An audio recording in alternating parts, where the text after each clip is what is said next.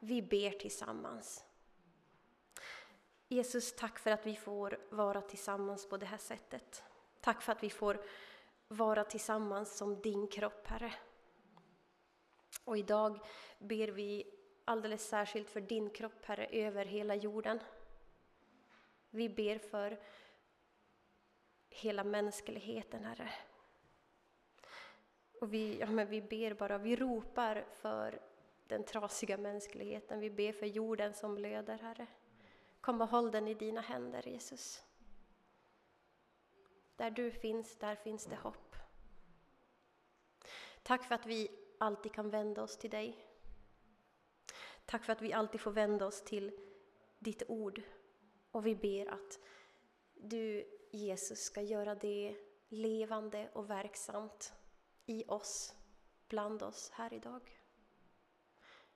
I Jesu namn, Amen. Um, det, har, det har varit svårt för mig att hitta orden den senaste veckan. Ända sedan förra torsdagen när jag satt på tåget på väg in till stan för en alldeles vanlig skoldag. Går in på SVT på telefonen och ser att Ryssland har gått in i Ukraina. Jag har haft svårt att hitta orden. Men på nyheterna så flödar orden över. Och bra är väl det så att vi får ta del av den verklighet som är. När jag äter frukost så läser jag om mamman som köade en halv dag för att, för att få tag på en bit bröd. När jag försökte koncentrera mig på veckans kurslitteratur så läser jag istället och ser bilder på små, små barn på neonatalen i Kiev, sjukvårdsavdelningen för för tidigt födda barn. Och de har fått flytta ner i något som mest såg ut som ett källarförråd för att kanske vara lite säkrare under attackerna. Och när jag förberedde den här predikan så läser jag om flyktingströmmarna. De största på länge, ut ur Ukraina. Och jag har svårt att hitta orden. Och de enda som känns som att de håller på riktigt är Herre, förbarma dig. Herre, förbarma dig.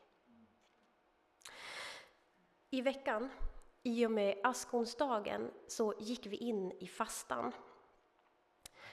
Det är en tid för att avstå något för att vinna något annat. En tid för eftertanke och en tid för bön. En tid för att växa i tro. En typ 42 dagars väg att vandra fram till påskdagen. En tid som här hos oss kan få präglas av den årstid som är nu, vårvintern, ljuset som är tillbaka och de första varma solstrålarna mot ansiktet. Fastan är en värdefull tid. Det kan vara en ganska skön tid.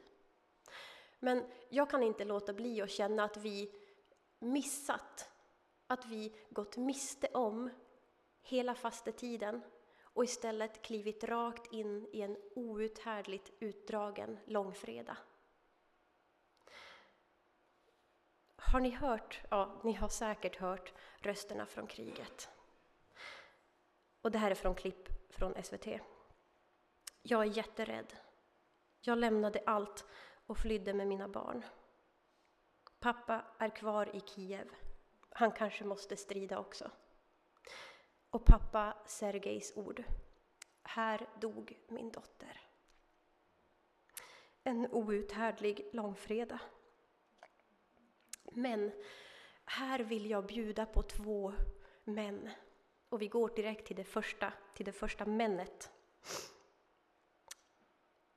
Vi har ju just gått in i fastan. Och vi får ta den här världens smärta och sorg, vår egen smärta och sorg, och gå in i fastan. Vandra genom fastan. Och vi ska vända oss till Gamla testamentet och läsa profeten Joels ord. Och så här skriver han i kapitel 2, vers 12. Nu, säger Herren, ska ni vända er till mig med uppriktigt hjärta under fasta, gråt och klagan. Joel beskriver väldigt poetiskt hur, ja men han beskriver en tid där folkens bortvändhet från Gud lett till krig och katastrof och elände. Känner vi igen det här? Att människans vägval inte alltid blivit till det bästa. Jag kan fascineras över människans förmåga att olära av historien. Men profeten Joel hade koll på historien. Han hade koll på samtiden, han hade koll på människans natur och han hade koll på Guds barmhärtighet. På att det finns en annan framtid. Och han kallade till fasta. Han kallade till gråt och klagan över tillvarons brustenhet. Till uppriktiga hjärtan inför Gud. Och om vi i historien ser eller sett att människan tagit samma felsteg igen och igen så har vi så många gånger fler sett att bön och fasta verkligen gör skillnad. Jag läste om en rysk församling, eller egentligen ett helt samfund var det, ehm, som kallade till en månads fasta för fred, för Ukraina och för försoning. Nu är tiden. Det finns en evighetsgiltighet i profeten Joels ord, i Guds ord genom Joel. Nu är tiden. Vad vill Gud göra med oss i fastan? Vad vill Gud beröra? Hur vill Gud förvandla vårt inre? Den förvandling och förändring som kan och behöver ske, låt den börja med mig. För min skull och för den här världens skull. Det var vårt första men och vi rör oss mot vårt andra. Jag kan inte med att, eh, jag orkar liksom för mitt inre inte med att hålla en predikan om gråt och klagan i den tid som vi nu är i, om jag inte också får peka på hoppet om vi inte tillsammans också får se på hoppet. Hoppet som varit, hoppet som är och som kommer. Lika säkert som att vårvintern kommer igen efter en lång vinter. Lika säkert som att efter en lång fredag, oavsett hur lång den kan verka och kännas, så kommer det en påskdag. Det kommer en påskdag. Och vi ska gå till en annan gammaltestamentlig profet, Jesaja. Och jag läser från kapitel 9.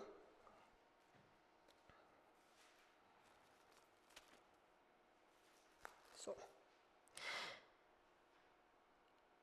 Men natten ska vika där ångest nu råder. Det folk som vandrar i mörkret ser ett stort ljus.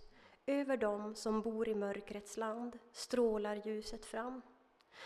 Du låter jublet stiga, du gör glädjen stor. De gläds inför dig som man gläds vid skörden, som man jublar när bytet fördelas. Oket som tyngde dem, stången på deras axlar, förtryckarens piska bryter du sönder, som den dag då Midjan besegrades. Stöveln som bars i striden och manteln som fläckats av blod. Allt detta ska brännas, förtäras av eld. Ty ett barn har fötts, en son är oss given. Väldet är lagt på hans axlar och detta är hans namn. Allvis härskare, gudomlig hjälte, evig fader, fredsförste. Väldet ska bli stort, fredens välsignelser utan gräns för Davids tron och hans rike. Det ska befästas och hållas vid makt med rätt och rättfärdighet, nu och för evigt. Amen. Redan då fanns löftet om evighetshoppet Och i Jesus får vi känna det hoppet personligen. Det ord, det namn som jag vill peka på och ta med lite extra i den här texten är fredsförste. Jesus, Mästaren, som själv var flykting. Jesus, fredsfursten. Fred och frid i mitt inre. Fred och frid som får förvandla den värld som vi lever i. Fred och frid som förvandlar liv. Vi får följa och vi får lära av och formas av och vi får älskas av fredsfursten. Fredsfursten som går in i, in i mörkret och är ljus. Och jag ber att hoppet om fred alltid ska vara planterat i våra hjärtan. Hoppet och vissheten om att natten ska ge efter, att ljuset ska stråla fram, där ångesten nu har grävt ner sina klor. För vår egen och för den här världens skull. För ett tag sedan så hörde jag en intervju, en podd, en intervju med en diakon. Och hon fick frågan om vad hennes tjänst och vad hennes vardag egentligen liksom går ut på. Jag är ett vikarierande hopp. Jag är en vikarierande medmänniska, svarade hon. Och som jag sa, känner vi Jesus så känner vi hoppet personligen. Vi är bekanta, vi är vänner med honom som är hoppet personifierat. Han som sår hoppets och fredens frön i våra hjärtan. Vi känner honom som har burit vår sorg och smärta, hela den här världens sorg och smärta i sin egen kropp. Och nu, om någon, någon gång, så behövs vi, varendaste en av oss, som bärare av det här hoppet och den medmänskligheten. Vi behövs som kan dela ångesten, sorgen och klagan med dem vi möter. Och vi behövs som delar hoppet för den här världens skull. Så, inför någon sorts landning. Just nu känns världsläget som en outhärdlig långfredag. Men vi är i fastan och nu är tiden att vända sig till Gud. I sorg, i gråt, i klagan. Med hoppet och vissheten om att mörkret och smärtan aldrig har sista ordet. Vad vill fredsfursten göra för verk i oss? För vår egen skull och för den här världens skull. Vi lever i löftet att natten ska ge vika. Över dem som bor i mörkrets land ska ljuset stråla fram.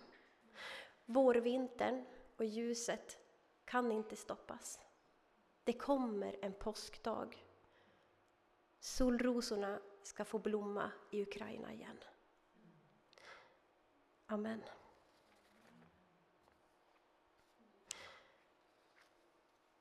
Vi ska gå in i en stund av lovsång och tillbedjan tillsammans, få komma inför Gud tillsammans.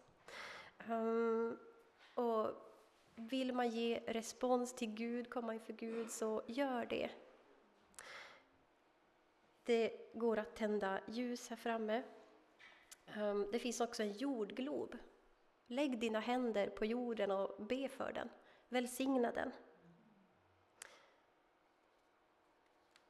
Det behövs i den tid vi lever i. Så, vi lovsjunger